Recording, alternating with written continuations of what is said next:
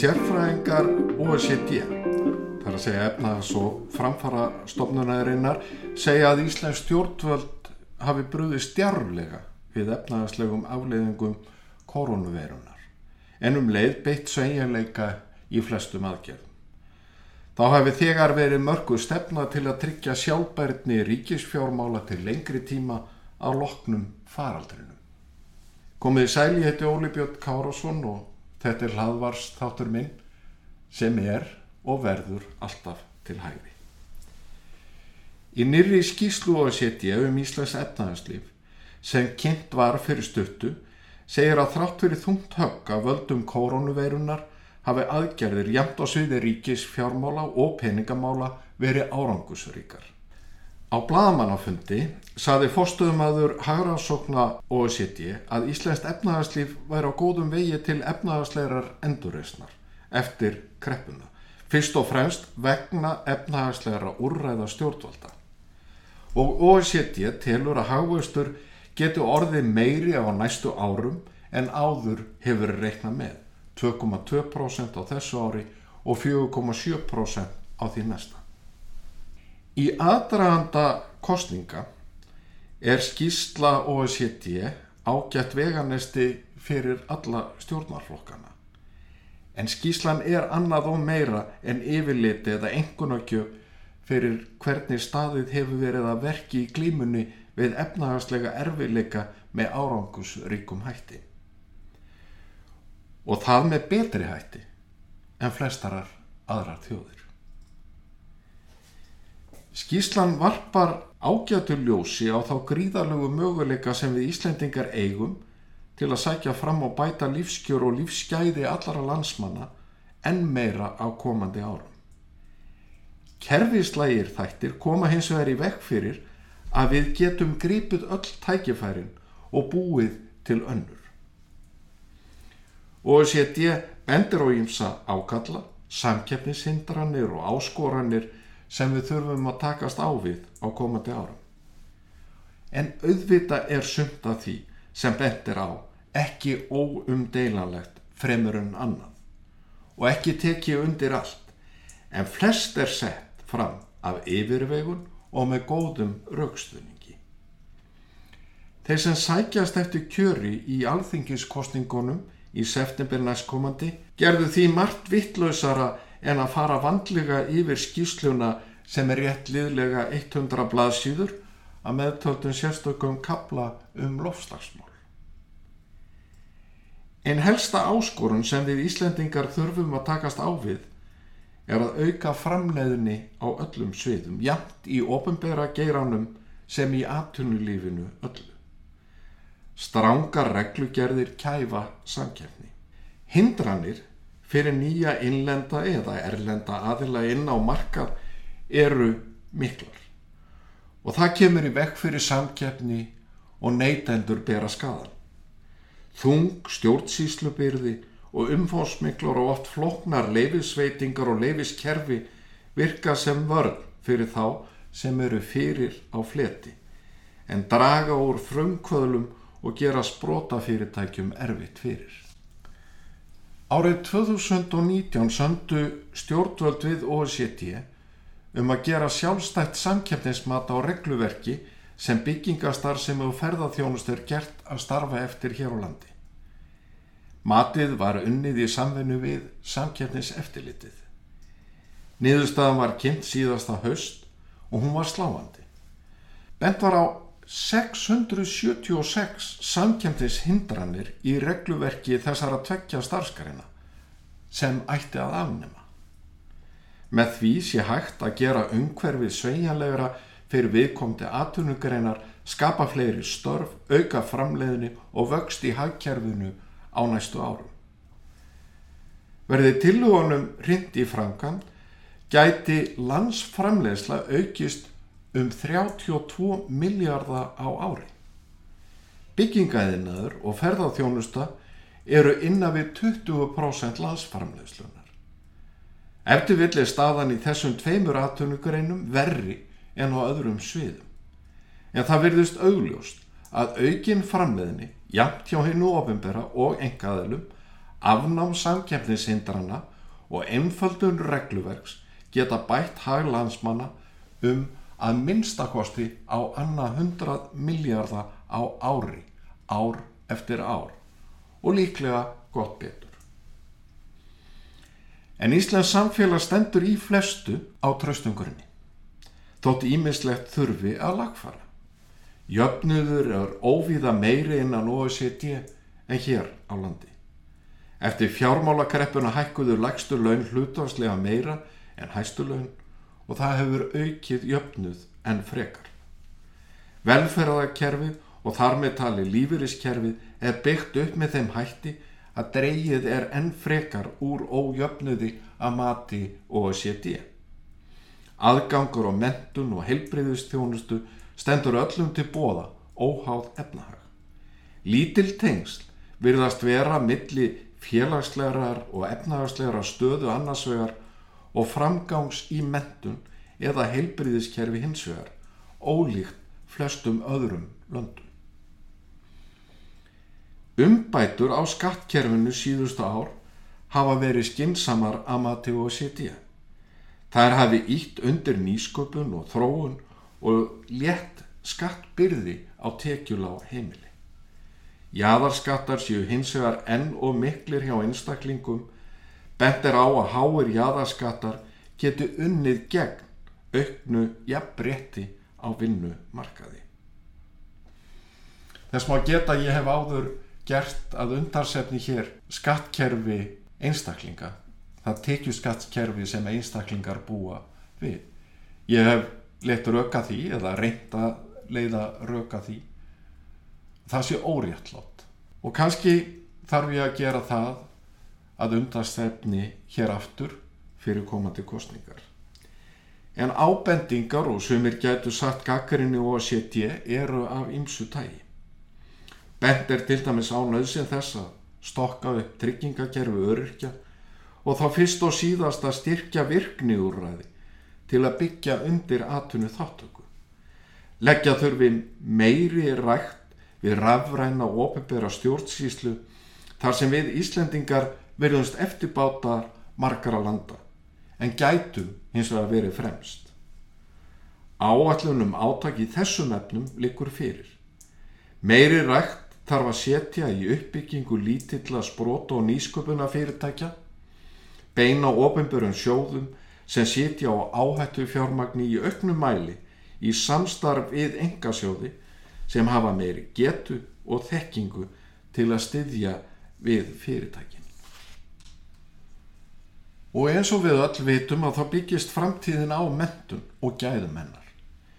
Skipulega mentakerfisins verður að vera með þeim hætti að hægt sé að mæta síbreytilegum kröfum samfélagsins og þar er víða pottur brotin að mati og setja sem bendir á að gæði mentunar í grunn og framhaldsskólum hafi minkað hér á landi á síðust árum. Þá sé kennurum ekki umbunað í samræmi við reynslu og framistöðu. Mentun þeirra verðist heldur ekki hafa fyllt kröfum nýra tíma. Háskólamentunum veldur ójafvægi á vinnumarkaði þar sem tengsmiðli skólu og atvinnulífs séu veik. Fjármögnuna mótil háskóla hefur leittið þess að skólanir einbjöðuð sem fremur að því að innrita sem flesta nefnendur í stað þess að tryggja gæði náms og framistöðu nefnda. Starfsmentun fær enn og aftur fallengun hjá OECD og hún er sögð van þróð. Hlutvarslega færri sækja sér slíka mentun hér á landi en í nokkuru öðru Evrópuríki. Námið takmarkist við hefðbundnar tækni og handverksstjettir, skólabundið og starfsnám sé illa samþægt og nefndu standi fáar leiðir til háskólanáms til bóða. Í sjálfu sér eru flestar ábendingar og að sitja ekki nýjar. Við flest höfum lengi vitað eða haft að minnst okkurstu nokkara hugmyndum hver verkefnin eru á komandi árum. Þekkjum flesta brotnu pottana. Að einhverju leiti skorti pólitískan vilja eða kjark til að hefjast handa við að lagfæra það sem miður fer. Að einhverju leiti er ástæðan djúbstæð andstaða við að innfalda regluverk aðtunulífsins og þætta betur saman mentun og þarfir aðtunulífsins. Sú andstaða á sér hins vegar rætur í andúð á aðtunulífinu og hins vegar litlum skilningi á því hvernig verðmættasköpun á sér stað. Verðmættasköpun sem stendur undir samfélagi velferðar. Niðurstaða kostningana í september ræður mestu um hvort mögulegt verður að brjótast út úr pólitískri sjálfheldu sem hefur hindrað árangusríka uppstokkun í regluverki aðtunlífsins og leggja styrkari stóð undir aukna velsælt. Ég hef sagt að markmið mitt í stjórnmálum sé í rauninni einfalt. Að hafa áhrif á framtíð samfélagsins með því að hrinda hugssjónum mínum í frangat, hugssjónum okkar sjálfstæðismanna.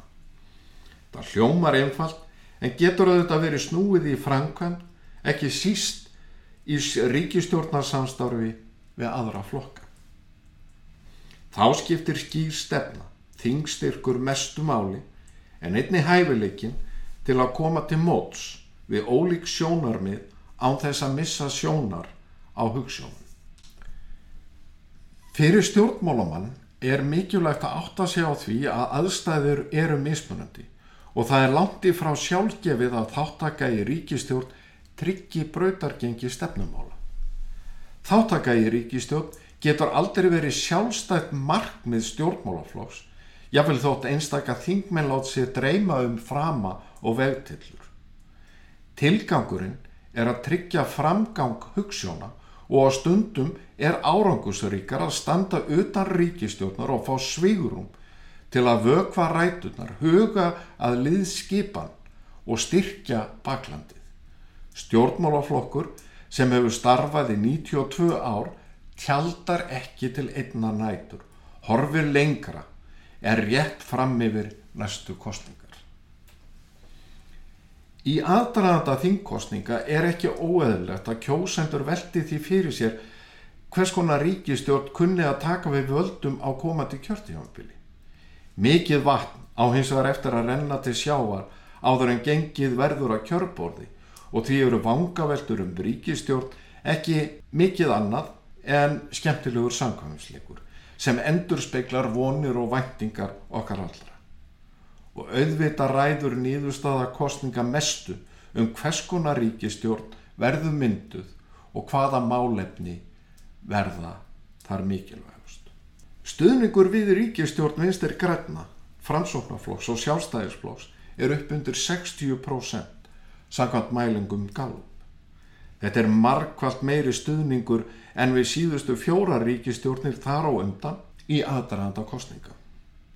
Það á ekki að koma á óvart að margir kjósendu telji skinsalegt að þessir þrý stjórnarflokkar endur nýju samstarfi að loknum kostningum.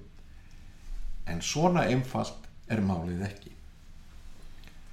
Þegar málefnarsamningur og verkaskipting nýra ríkistjórnar, þar að segja þeirrar sem nú situr, lág fyrir undir lok november 2017, skrifaði ég eftirfarandi niðurlag í pistil í morgumblæðinu. Fyrir okkur sjálfstæðismenn skiptir mestu að störf og stefnana nýra ríkistjórnar taki mið af engunar orðum flokksins. Að ríkistjórnin verði ríkistjórn hins vennjulega Ísletings, kennarans, sjómansins, bondans, yðnaðamannsins, verkakonunar, hjúgrunafræðingsins, litla aturreikandans. Að bakbein Íslands samfélag Millistéttin skinni að ríkistjórnin ætlar að standa vörð um lífskjör og sækja fram. Við þurfum að samfarast um að með þáttöku í ríkistjórn náum við árangri og höfum tækifæri til að tryggja framgang hugssjóna okkar. Að loknum kostningum í septemberin næstkomandi gildir hið sama og skrifað var fyrir tæpum fjórum árum. Og sjálfstæðisblokkurinn á góða möguleika á því að setjast niður við samningaborðið við myndur ríkistjórnar með aukin þingstyrk og þar með meira bólmagn til að standa tryggan vörð um grunngildi flokksins. Einn forsenda þess að sjálfstæðisblokkurinn taki þátt í ríkistjórn er að málefnasamningur og verk ríkistjórnar endur spekli, skilning á samingi skatta, ríkisútgjata, hagvastar og velsaldar. Að samkeppnishefni þjóðar ráðist ekki síst af öflugum innviðum, hófsemt í ofinbörum álugum, greiðu aðgengja erlendum mörkuðum, skilvirkni í stjórnkerfinu og hagkvæmum ríkisrekstri. Það þarf ekki mikla insýn eða skilning á stefnu sjálfstæðisflokksins til að átta sig á því að flokkurinn getur ekki tekið þátt í ríkistjórn sem heldur áfram að ríkisvæða heilbriðiskerfið, kemur í veg fyrir samþættingu og samvinnu, sjálfstætt starfandi þjónustu aðila og hins ofendera. Tekur hagsmunni kerfiðsins fram yfir hagsmunni sjúkratrefðu, þar að segja okkar allra og undirbýr þannig jarðveg fyrir tvöfart heilbriðiskerfi sem er eitur í beinu hvers sjálfstæðismanns. Með sama hætti geta þingmennflokksins ekki réttlætt stuðning við ríkistjón sem heldur sjálfstæðum fjölmiðlum í helgarepum þar sem hagsmunni ríkisfyrirtæki skanga framar öllu öðru. Ríkis er ekki fjölmiðlun, gengur þvert á hugmyndir hægri manna og grefur undan borgarlegum öflum. Ekki síst þess vegna verður sjálfstæðisflokkurinn að spyrna við fótum. Loksins geti einhver sagt. Og fleira skiptir auðvitað máli þegar tekin er afstæða til þess hvort rétt sé að taka þátt í myndun nýrar ríkistjórnar að loknum kostningu. Uppbygging mentakerfisins er eitt eins og ég vek hér að og vitnaði til OSCT. Skinsanleg og sjálfbæri nýting náttúruauðlinda er annað. Jákvæmt viðþór til aðtunlífsins er skilirði Að gera launafólki kleift að taka með beinum hætti þátt í rekstri fyrirtæki er mikilvægt og byggja þannig fleiri stóðir undir fjáraslegt sjálfstæði heimilana, likillin að hjarta sjálfstæðismanna. Og fleira skiptir miklu en verður ótalið hér að þessu sinni. Innan jæmt sem utan ríkistjórnar er sjálfstæðisflokkurinn reglíf þeirra sem vilja takmarka völd ríkisins, tryggja frelsi borgarana, standa vörðum upplutt velferðarkerfi og hafa skilning á menningu og sögu lands og þjóðar. Á þessari reglíf heldur fórust af flokksins meðstöðningi þingmanna og almennara flokksmanna. Og fástörf eru meira krefjandi, kalla á trúmennsku og samfæringu fyrir hugssjónum. Með þetta í huga verður að ganga til kostninga og spila úr þeim spilum sem kjósendur gefa við kjörborðið. Þakka þeim sem hlýttu